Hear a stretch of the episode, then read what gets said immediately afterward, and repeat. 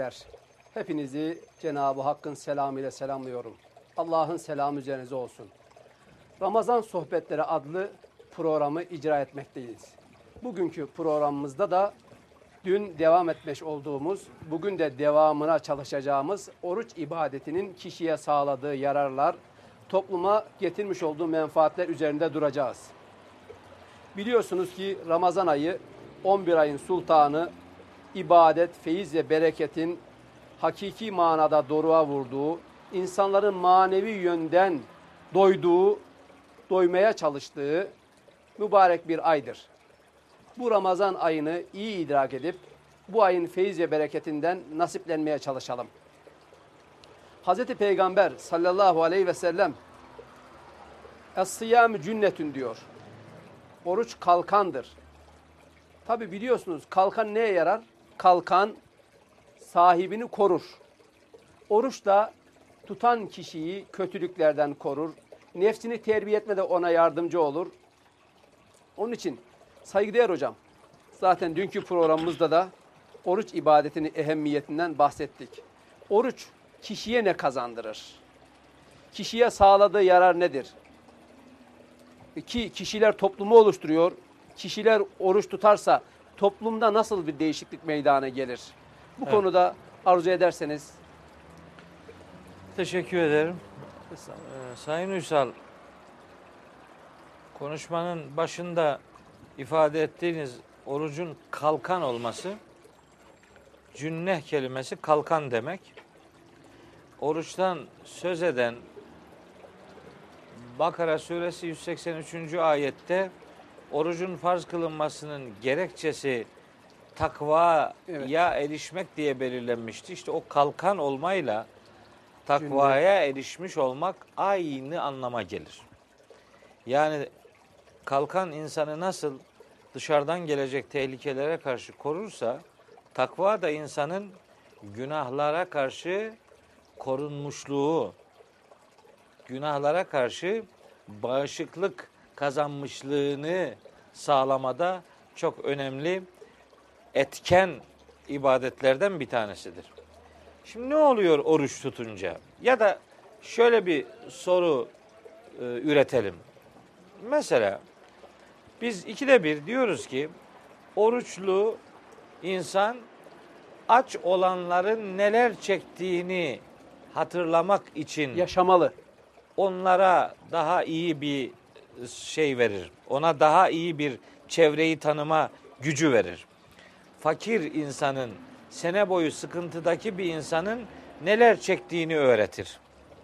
Şimdi haklı olarak biri şunu sorarsa ne diyeceğiz? Yani etrafta aç bir adam yoksa hiç ya da hiç kimsenin yaşamadığı tek başına bir adamın tek başına yaşadığı bir mekandan söz edelim. O mekanda bir adam duruyorsa tek başına yani başka hiç kimse yoksa örnek alacak derdiyle dertlenecek hiç kimsesi yoksa bu adam gene oruç tutmalı mıdır sorusu sorulabilir. Ve bu soruya cevap bulmak durumundayız. Sosyal bir ibadettir oruç. Başkalarının farkına varmayı öğretir oruç. Ama oruç bu arada insanın kendisinin de farkına varmasını öğretir. Yani sıkıntıda olanın sıkıntısını öğrettiği gibi sıkıntıda olmayanın sıkıntısızlığına şükretmesini de öğretir. Dolayısıyla başka hep başkalarıyla alakalı bir ibadet değildir oruç. Bütün ibadetlerin yapanla ilgili yönü olduğu gibi başka insanlarla da mutlaka ilgili ilişkili yönü vardır. O itibarla düşünür, düşün, daha sağlıklı düşünecek olursak şimdi mesela toplumda oruç diye bir dert varsa toplumda paylaşım var demektir. Oruç doğru algılanabilen bir ibadet halini alabilmişse toplumda insanlar birinin hüznünü kavramada, birinin derdine ortak olmada kendini görevli hissediyor demektir. Sağlıklı, birbirinden haberdar olan, birbirine destek olmayı hayatının vazgeçilmezi haline getiren bir toplum meydana getirmiş oluruz. Fakat yazık ki bazen insanların arasında şöyle tekerleme türü sözler dolaşır işte. Her koyun kendi bacağından asılır. Kimsenin kimseyle bu anlamda herhangi bir ilişki içinde olması, iletişim halinde olması gerekmez. Bir defa insanı koyuna benzetmek insana saygısızlıktır. İnsan koyun filan değildir. Öyle kendi bacağından da asılacak filan değildir. Herkes kendine- İnsan sosyal bir varlıktır. Sosyal varlık olmak insanın diğer insanlara karşı sorumluluğunu getiren bir özelliktir.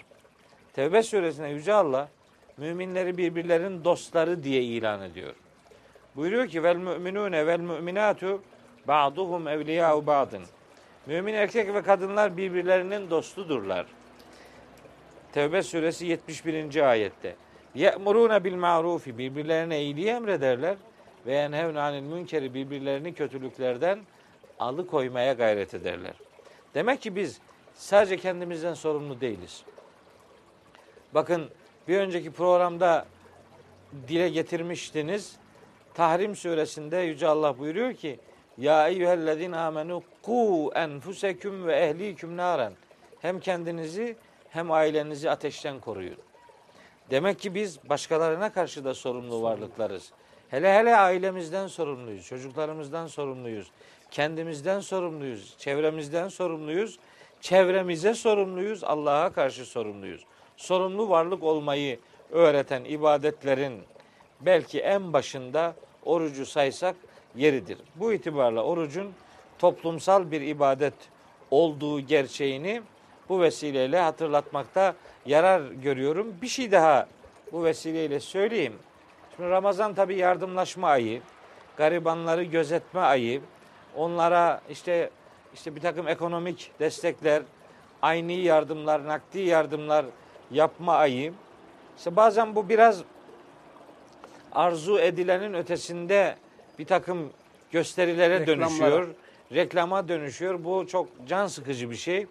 İnsanların gözünün önünde birini rencide ederek, adeta onun fakirliğini ilan ederek, tescilleyerek onu o, moralmen çöküntüye itecek bir takım gösteri türü davranışlar yapılıyor. Bu son derece hatalıdır. Bir Müslümanın kendisine yapılması halinde hoş görmeyeceği bir davranışı başkasına yapmaması lazım. Bu yardımlaşmalarda onur kırıcılık örnekleri yaşanmamalıdır. İnsanlar yardım yapabilmenin insani yollarını bilirler, bulurlar. Bakın Ahmet Bey, yardımlaşma ben bu programın başından beri de başka vesilelerle de sıkça sıkça söylüyorum. Yani bu insanların Ramazan ayında öğrendikleri şeyleri aslında Ramazan'dan sonra uygulasınlar diye bu bu önemli bir eğitim sürecidir. Ramazan orucu ve Ramazan ayı. Fakat insanlar Ramazan'da birbirlerine yardım ediyorlar.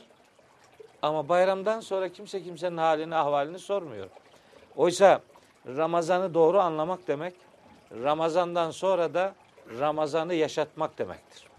Demek ki hocam bizim sıkıntımız o zaman orucun ehemmiyetini anlayamamak, Ramazan nimetinin farkında olamamaktan kaynaklanıyor. Şimdi bakıyoruz özellikle birbirini tanıyan, tam büyük şehirlerde de var elbette onlar biraz daha modern takılıyor. Özellikle birbirini tanıyan, e, gördüklerinde ismen veya simaen tanıyan insanlar gündüz oruç tutuyorlar. Evet. Sahura kadar oturuyorlar.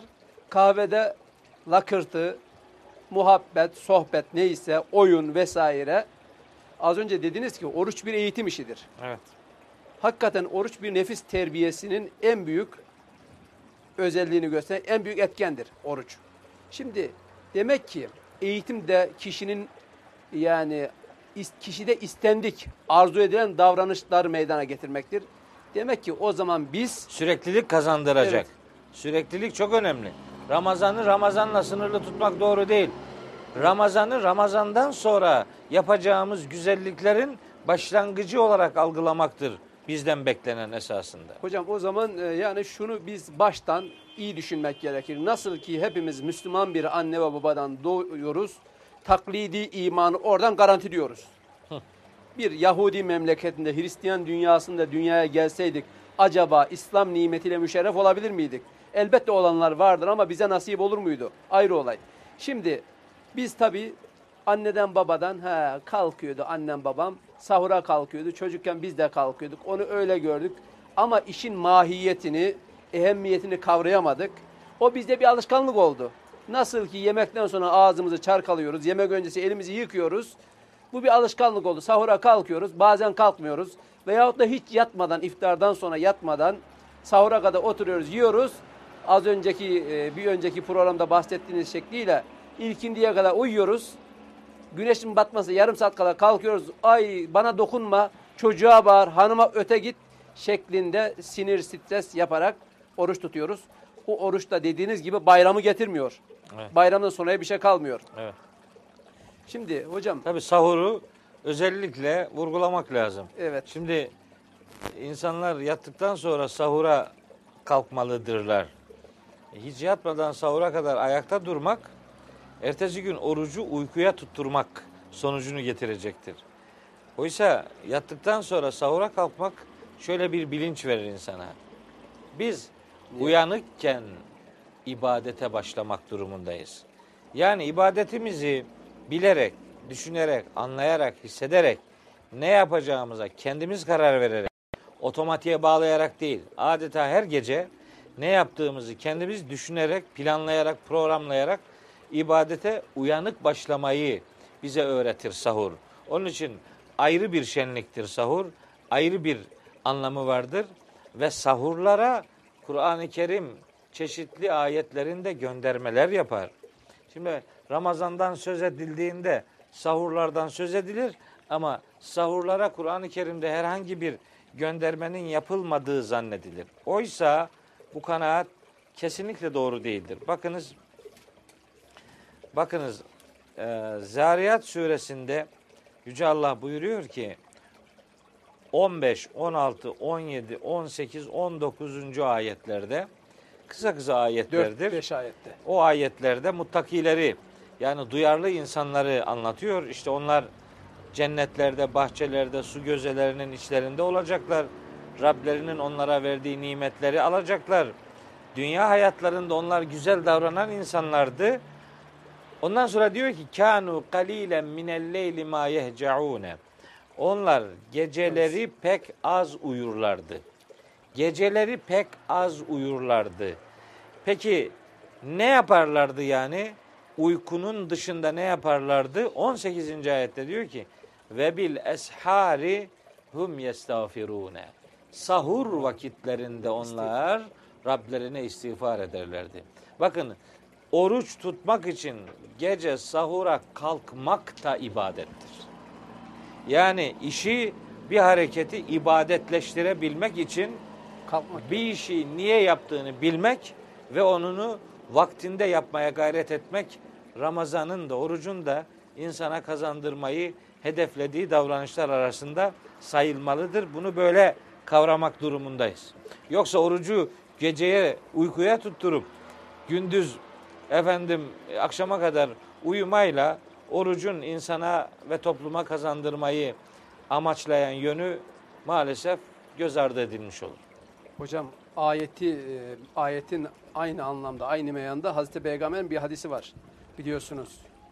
İşte sahur sahura kalkınız. Sahur yemeğinde bolluk vardır, bereket vardır diyor Hazreti Peygamber. Evet. Şimdi onun için tabii insanlar e, Hazreti Peygamber'in sözlerine, Kur'an-ı Kerim'in hükümlerine bağlı kaldığı ölçüde o Cenab-ı Hakk'ın Tin suresinde belirttiği şerefe nail olurlar. Aksi takdirde bulundukları Cenab-ı Hakk'ın kendilerine fıtraten vermiş olduğu şerefi, haysiyeti, o onureliği kaybederler. Ramazan ayı deyince hocam bir başka konu akla geliyor. İtikaf. Malum. İtikaf konusunda bilginizden istifade etmek istiyoruz.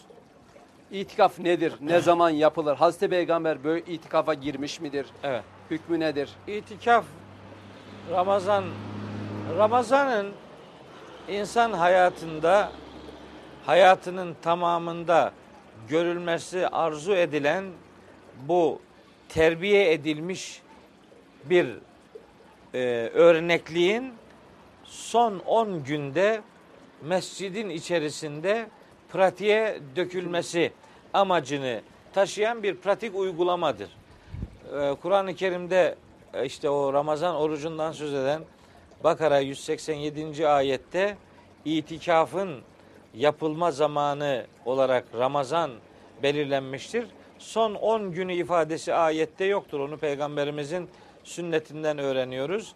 Daha gönülden bağlılığı ifade eden ve aslında Ramazan ayında gündüz oruçluyken yapılması yasak olan davranışların kendi evinde iftardan sonra yapılabilme serbestiyetini de kısıtlayabilecek bir öğretidir itikaf.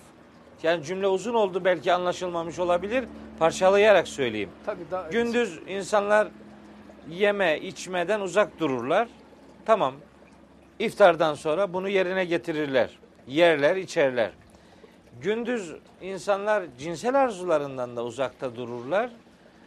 Ama akşamdan sonra iftar açıldıktan sonra yani gündüzü oruçlu olan bir eee, zamanın gecesinde insanlar eşiyle birlikte olabilirler. 187. ayette öyle söylüyor. Fakat itikafa girmişse bir adam itikafın yapılma yeri de mescitler olarak belirlenmiştir gene o ayette. İtikafta olan yani mescitte Ramazan'ın son günlerini geçirenler evinde eşiyle birlikte olabilme serbestiyetine sahip olmasına rağmen itikaftaki bir Müslüman mescitte o tür ilişkiden de uzak durmayı Kur'an ilkesi olarak bilmek durumundadır. Yani hayatın tamamına yönelik bir eğitim seferberliği anlamına gelen orucun hayatımızın bir 10 gününde daha kısa bir zaman diliminde pratize edilmesinin önemli uygulamalarından biridir itikaf. Peygamberimizin hayatında bunu yaptığına ve etrafındakilere tavsiye, tavsiye ettiğine dair rivayetlerin bulunduğunu biliyoruz. Sevgili izleyiciler, oruç sohbetimizde belirttiğimiz veçile Cenab-ı Hakk'ın emri Kur'an-ı Kerim'de pek çok ayeti kerimede hükmü sabit üzerimize farz bir ibadettir. Sevgili Peygamberimiz sallallahu aleyhi ve sellemin uygulamaları açıktır. Üzerinde işte bu mesuliyeti taşıyan herkes bu ibadete riayet etmek, dinen riayet etmek mecburiyetindedir. Tabi Hazreti Peygamber'in oruçla ilgili müjdeli haberleri var. Diyor ki Hazreti Peygamber sallallahu aleyhi ve sellem oruçlunun iki sevinçli anı vardır. Bunlardan biri iftar vakti. Hepimiz biliyoruz. İlkindiden sonra artık şu ezanı Muhammedi okunsa da köylerde veyahut da daha e, modern demeyeyim de böyle büyük şehir haline gelmeyen yerlerde top atılır, büyük şehirlerde de atılır ama pek duyamayız. Küçük yerleşim yerlerinde bu net duyulur. Top atılınca ezanı da beklemeyiz. Hemen iftara açmaya geçeriz. Bu büyük bir sevinçtir. Diğer bir sevinç de ki sevinçlerin en büyüğü belki anlatmak, bu akıl onu güzelliği, o yücelliği anlatmaktan belki acizdir. Cenab-ı Hak'la, Cenab-ı Hakk'a kavuşma anıdır diyor Hazreti Peygamber. Tabi oruç tutalım, dünyada iftar vaktinde sevinelim. İnşallah mahşerde de Rabbimizi görerek umudumuzu yitirmeden o sevinçle, o aşkla bu ayı güzel değerlendirelim. Bir Saygıdeğer hesaplama yapayım mı? Hay hay hocam. Ahmet buyurun. Bey, e, oruç hani sahurda başlarken bir uyanık halini yaşamak, ibadete uyanık başlamak, yani ne yaptığını bilerek yapmak, gündüzü ibadetle oruçlu geçirmek, akşamı o günün ibadetinin bayramı yapmak. Peygamberimizin o hadis-i şerifinde aslında e, görme bayram var. noktamı- noktasında olduğumuz önemli inceliklerden biri bu. Akşamın bayram olduğunu hissedebilmek.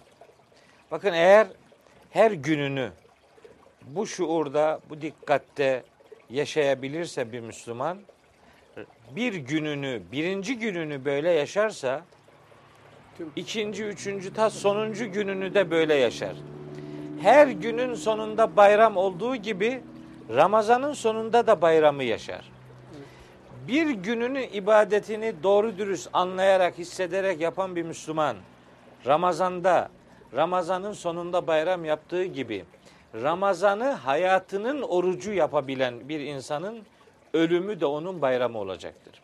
Onun için peygamberimizin o müjdesinde iftarla ölüm bayramını buluşturması aslında hayatı Ramazan'dan ibaret görmeyi bize öğütleyen bir içerikle önümüzde duruyor.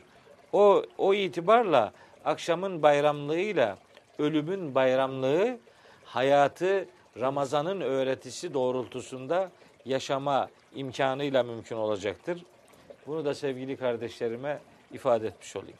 Şimdi hocam şu son sözünüz, son cümlenizdeki birkaç kelime bana bir hadisi hatırlattı.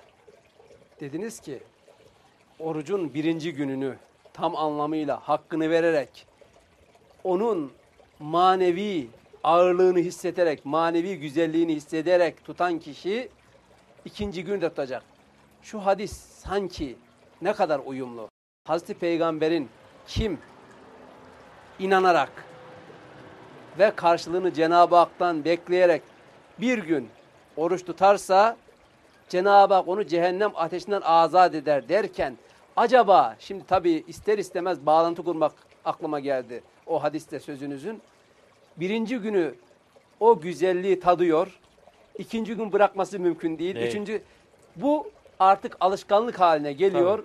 Kişide bu kabiliyet oluşuyor. Ve böylece kişi kendini manevi deryaya gark ediyor ve neticede belirttiğiniz veç ile bayramlara kavuşuyor. Evet. Hocam Elbette, elbette Ahmet Bey çok önemli bir hususiyet daha hatırlatmak durumundayız. Bakın Ramazan orucu, Ramazan insana gününü ve yarını programlamayı öğretir. Bugünün programını iyi yapan insan yarının da programlanması gerektiğini bilir. Böylece oruç insana hayatının geri kalan kısmını daha düzgün yaşamanın ilkelerini verir. Dolayısıyla o zevki bir defa tadan insan o zevkten kendisini ayrı tutamaz. O hal üzere hayatını Ramazanlaştırır ve ölümünü bayramına dönüştürür. demek ki oruç tutan kişi yalandan, gıybetten kısaca uzatmadan söylemek istiyorum. Ahlaki kusurlardan uzak olacak. Ahlaki erdem yani güzel ahlak dediğimiz Peygamber Efendimizin ahlakı yani gücü nispetinde, imkanı ölçüsünde o faziletli ahlakı yaşamaya çalışacak ki Hazreti Peygamber bir önceki e, sohbetimizde belirttiniz. Mellem yeda gavle zuri diye başlayan hadiste Evet.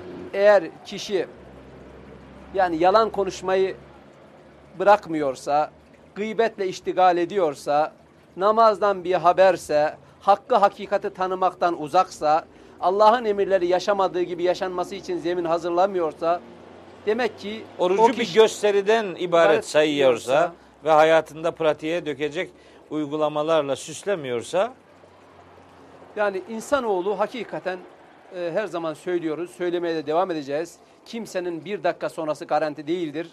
Cenab-ı Hak bize vermiş olduğu süre bitince sessiz sedasız bizim kıyametimiz kopacak ölünce. Onun için sevgili izleyiciler bu Ramazan'ı hayatımızın son Ramazanı gibi değerlendirelim. Bunun güzelliklerinden, bunun özelliklerinden, feyiz ve bereketinden istifade edelim. Rabbimizin arzu ettiği şekilde bir hayatı kendimize tanzim edelim ve takip edelim. Saygıdeğer hocam, bu oruçla ilgili yeri gelmişken birkaç soru sormak istiyorum. Malum e, pek çok sorulan sorulardan bu da göze, kulağa ve buruna damla damlatmanın orucu bozup bozmadığı yönündeki görüşünüzü seyrederseniz. Evet, ifade edeyim. Zaten programın da sonuna geldiğimiz e, görülüyor. E, Ahmet Bey, bir insanın orucu beslenme gayesiyle vücuduna bir şeyler alırsa ya da şehevi arzularını haram olan şehevi arzularını oruçluyken e, o arzuları terk etmeyi e, ona öğretecektir oruç. Bunun dışında şimdi bir insan gözünde rahatsızlık vardır, göz damlası alıyor. Burnunda solunum yollarında sıkıntı vardır, burun damlası alıyor da kulağında e, sıkıntı vardır. Bunun beslenmek diye bir derdi yok. Yani midesine gıda temini anlamında bir amacı yok. Orucunu bozmak diye bir hilesi hurdası yok. Dolayısıyla bir insanın gözüne, kulağına, burnuna damla damlatması ya da vücudunda çıkan herhangi bir yaranın üzerine merhem sürmesi gibi tedavi amaçlı besleyici olmayan bu tür uygulamalar kişinin orucunu zedeleme noktasında herhangi bir e, etkinliğe sahip değildir. Yani damla damlatmak insanın orucunu bozmaz. Hocam adam unutarak yedi, içti Heh, veya tam da öyle cinsi işte. münasebette bulundu. Bakın yok o, o, o cinsi münasebet Hocam kısmı o kadar bu sorular değil de. ben onun için soruyorum. E, Bu sorular gelen bir soru. Yani belki olur ya binde bir de olsa olur ki yani Yani şimdi buradan tabii izleyici kardeşlerimiz e, bazen insanların söylediği sözler söylediği gibi anlaşılamayabiliyor. O zaman da söyleyen açısından sıkıntı oluyor. E, işin cinsi münasebet kısmıyla ilişkilendirerek değil de unutarak yeme. belki yaptı fakat e, rahatlama adına tabiri caizse bir stresten, bunalımdan kurtulma, bir iki medet umma adına da sorulmuş olabilir. Ha, yaptıysa Allah'a özür borçludur. Allah'tan özür Tevbe. özür dilemelidir.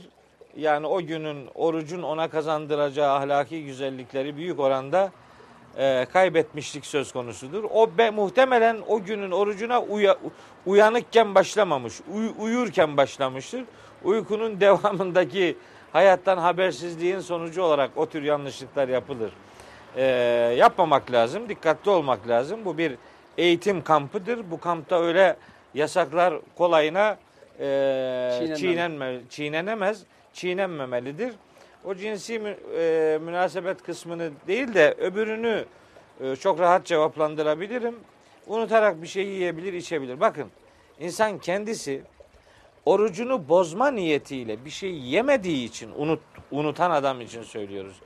Unuttuğu için unutkanlıktan dolayı bir şey yese bile doya doya su içse bile niyeti orucunu bozmak olmadığı için oruca karşı herhangi bir hile içerisine girmek diye bir niyeti taşımadığı için o insanın orucu bozulmaz.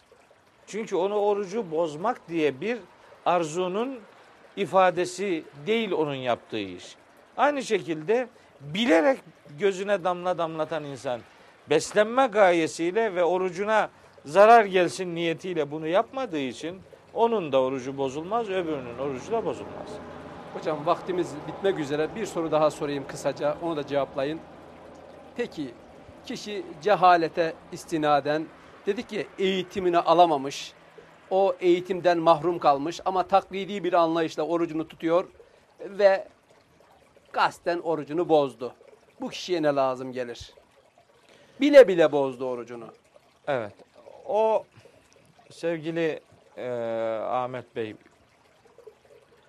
o kişi o kadar büyük bir suç işlemiştir ki biz ona Allah'ın emrine aleni olarak savaş açan insan gözüyle bakarız. Cezası nedir hocam? Dolayısıyla bunun cezası o ifade edildiği gibi işte ya bir gün oruç tutmak ya 61 gün oruç tutmak türünden böyle böyle ceza, ibadet ceza ile ödenmez.